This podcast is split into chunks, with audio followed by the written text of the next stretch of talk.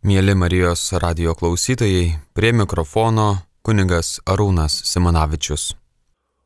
Mūsų tikyba, gerbiami radio klausytojai, yra žodžio tikyba pirmiausiai, veiksmo po to.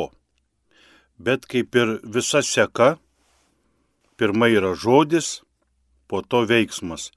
Pirmiausia yra idėja, tada mintis, tada žodis, tada veiksmas. Taigi nuosekli tikyba.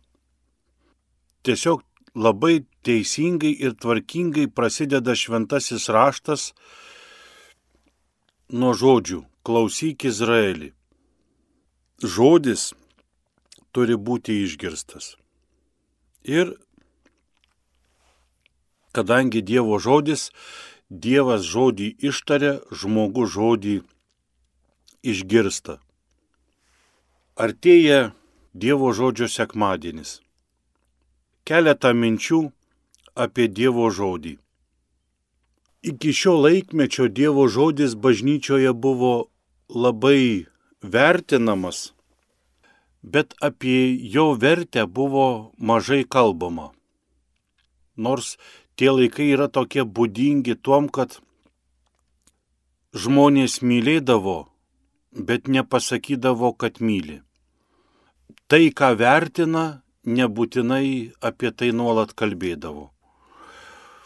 Tai nėra taip jau gerai, o kartais net ir žalinga, nes jeigu nepasakai, kad vertini, kodėl vertini, kaip Juzo sakmėje yra pasakyta, žmonės nemyli to, ko nepažįsta, ko nesupranta tenai parašyta taip. Ir šventą raštą mums katalikams yra sunku pamilti, todėl kad mes daug apie jį augdami paaugliai nesupratome.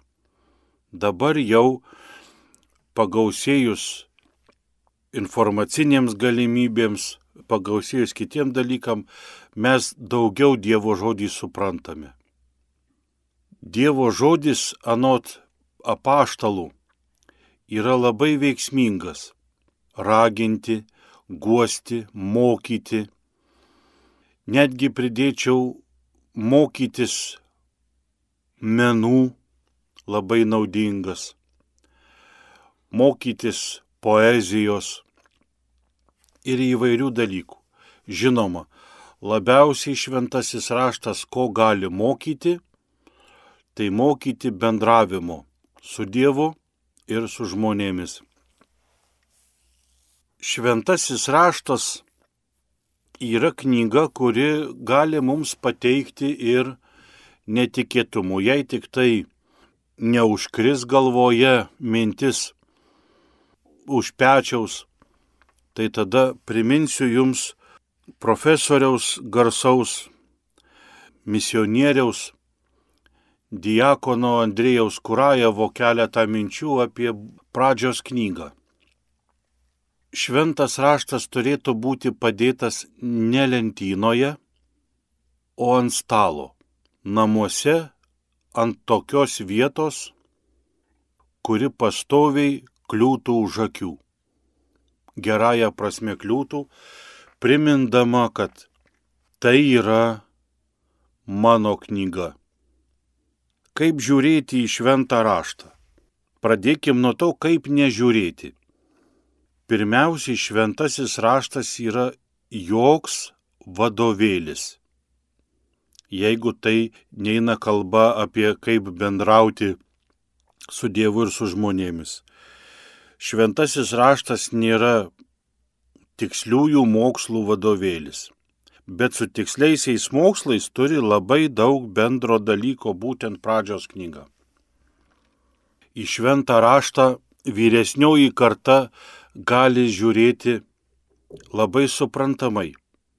Kiekvienas vyresnės kartos žmogus, kuriam dar tekia yra susirašinėti laiškais, rašydavo laiškus, gaudavo atsakymus ir juos kaupdavo. Prisiminkime kiekvienas iš mūsų, kad vienas iš tokių nebeingiausių, jaudulį skleidžiančių mūsų gyvenimo būties elementų buvo pašto dėžutė. Eiti pro ją ir galvoti, kad tenai yra laiškas, buvo mums, na, didelis jaudulys. Jau net sunku kokius nors darbus dirbti arba susikaupti, nes galvoji, pašto dėžutėje man jau yra žymiai svarbesnių dalykų negu čia. Ir pamatyti atgalinį adresą nuo to žmogaus, kurį myli, yra didžiulė šventė. Atsimenu vieną laišką, apie kurį galiu dalintis. Atidariau pašto dėžutę ir joje radau laišką, tik neiškart suvokiau, kad čia man ir nuo ko. Mokiausi kunigų seminarijoje, atnešė paštininkas, paduoda man laišką, o atgalinis adresas žmogus, kuris man parašė, yra tėvas Stanislavas. Aš tą dieną to laiško neskaičiau ryte, pasidėjau jį ant savo altorėlio, išėjau į paskaitas, jos buvo baisiai nuobodžios kaip devynios skaistyklos, buvo nesvietiškai neįdomios, erzinančios, trukdančios, kliudančios, pietus nebuvo skanus, vakare tik tai po pamaldų Parėjęs namo, sukalbėjau tėvę mūsų maldą, atsiplėšiau laišką ir net stengiausi paprastai būna smalsiai akis prabėga visą tekstą iš karto, o po to pradedi skaityti. Pradėjau skaityti kiekvieną raidę paskirai. Ir tą laišką skaičiau. Berots pranašas Izaijas ar Jeremijas sako, viešpatie tavo žodžius, pasėmiau tavo knygą ir ryte sušlamščiau visą knygą.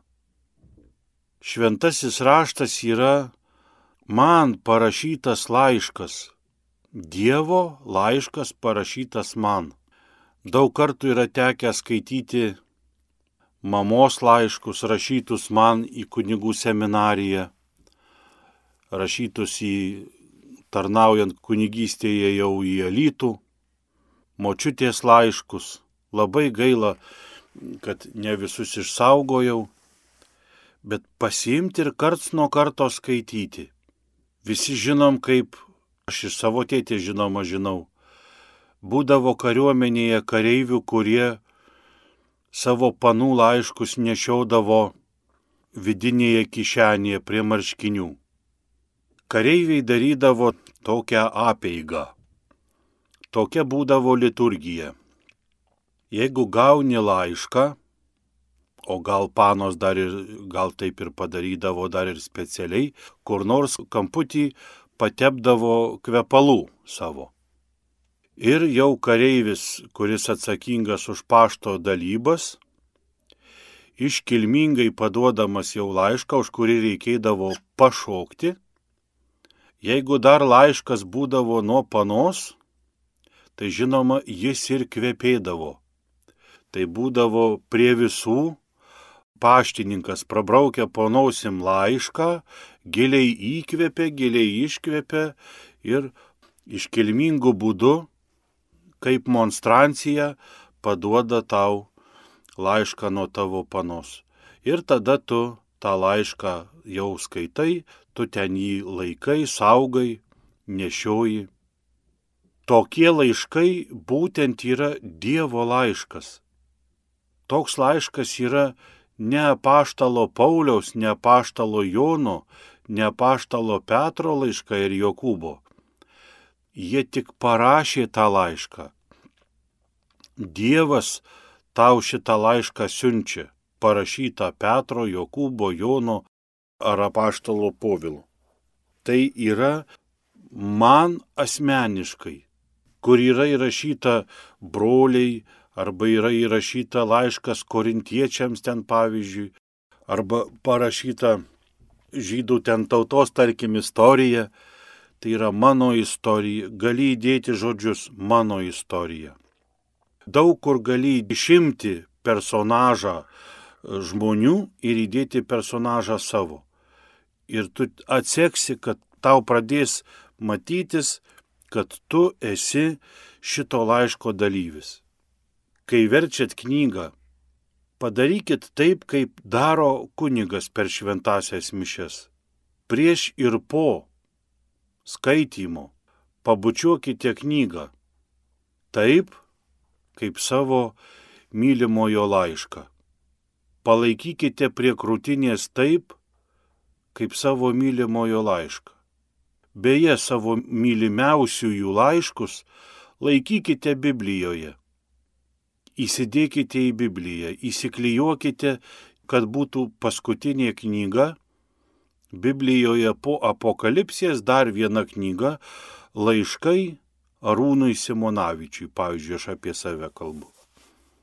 Čia žinoma tik pasiūlymai, bet šitokie smulkus dalykai, jie jum parodys ir kitiem parodys, kad Biblija yra visai kas kita.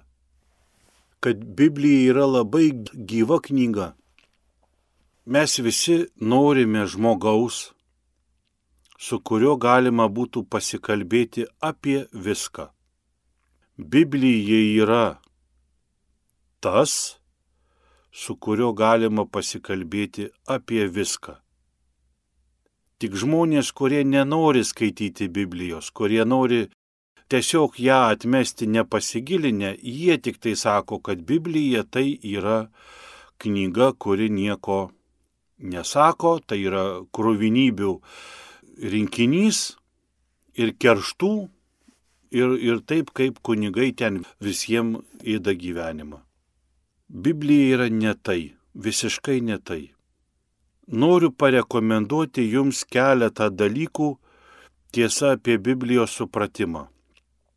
Dabar labai paplitusi mada, kalbantis apie Biblijos kokią nors vietą, skyrelį, pastraipą, kalbėti maždaug taip man atrodo, kad čia yra apie tai ir anai.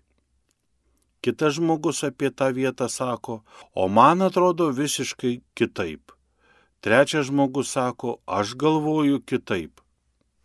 Tai, žinoma, gerai, kad žmonės kalbasi apie Bibliją, bet tai yra pavojus kame.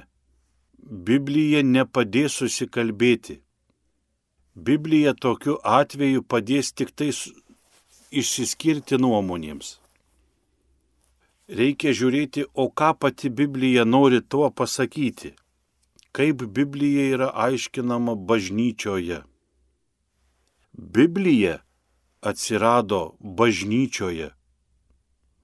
Ir bažnyčia yra ta, kuri gali duoti gerą aiškinimą apie tai, kas ten yra parašyta.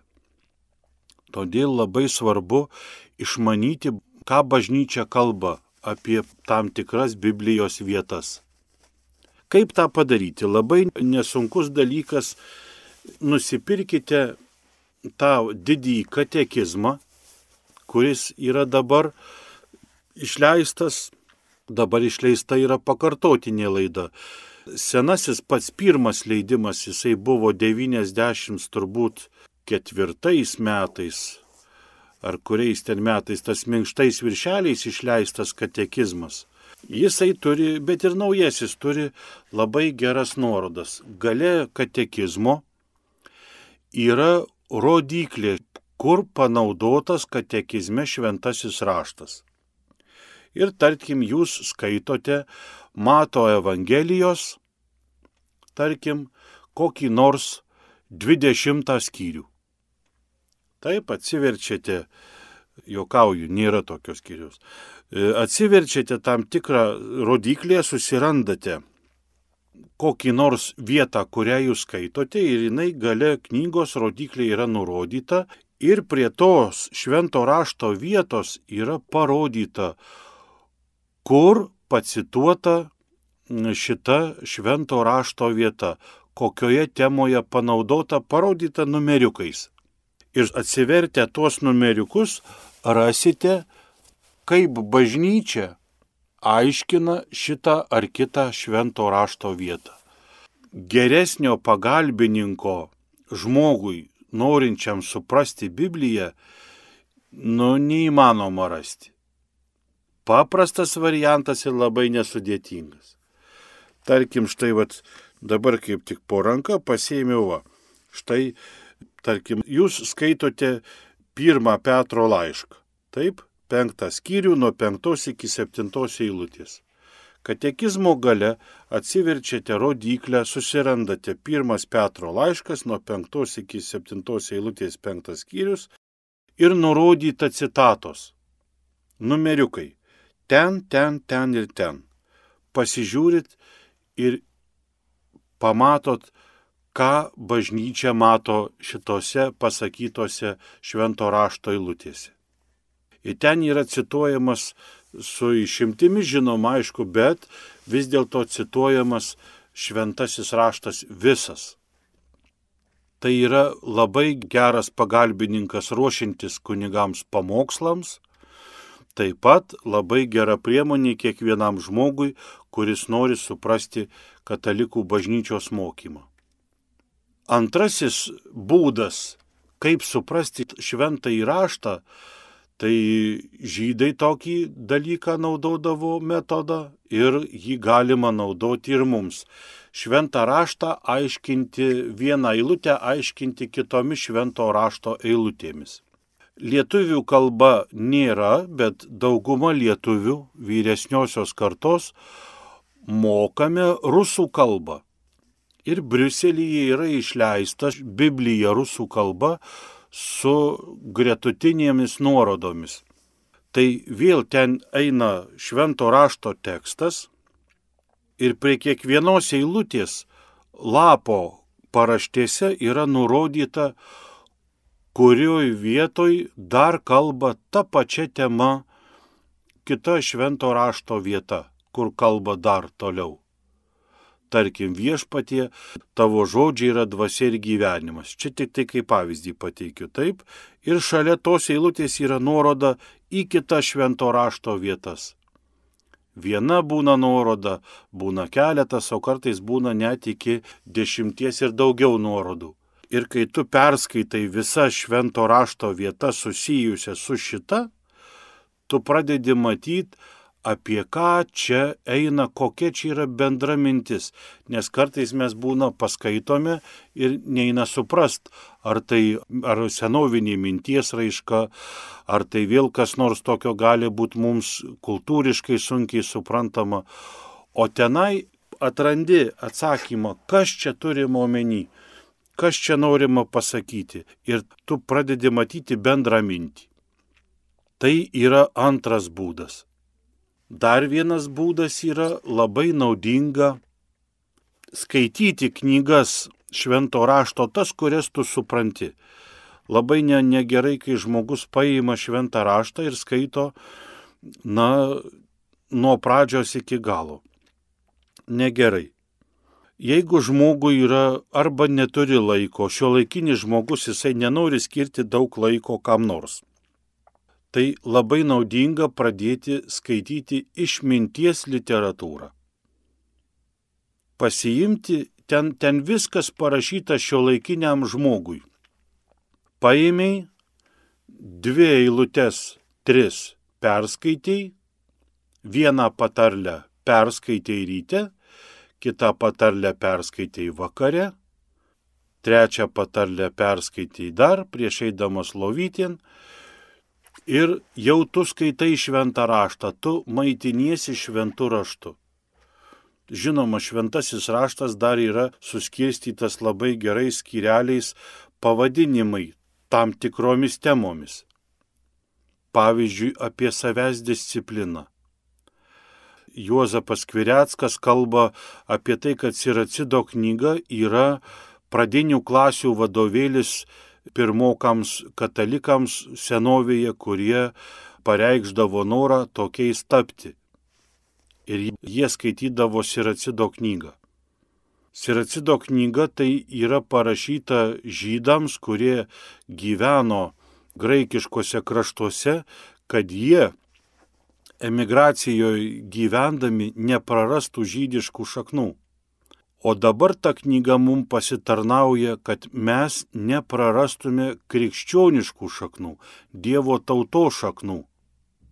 Ir ten yra įspūdingų ir žinoma labai praktiškų patarimų. Štai pavyzdžiui, kad ir dabar, kai žmonės, katalikai abejoja, klausyti gydytojų ar neklausyti. Visgi kaip nors įsmukti į bažnyčią ir dalyvauti mišiuose, ar klausyti gydytojų ir ne. Siracido knygos labai aiškus yra skirelis apie gydytojų klausimą. Skiepytis ar nesiskiepyti? O ką mes žinom, kas čia kaip masto?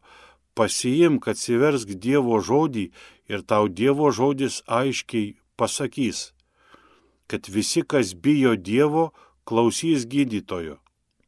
Suprantu, kad ortodoksai, pavyzdžiui, ginčijasi, ten Rusijoje kunigai aiškina visiems, eikit į bažnyčias, dalyvaukit mišiuose, nes pas juos nėra siracido knygos.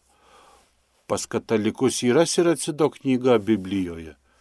Ten aiškiai parašyta klausykite gydytojų Jeigu žmogus kenčia, kiekvienas iš mūsų išgyvenam tokį periodą, kai nežinom, skausmingai nežinom, kas mums vyksta, nematome prasmės ir galvojame, kas mus galėtų atjausti.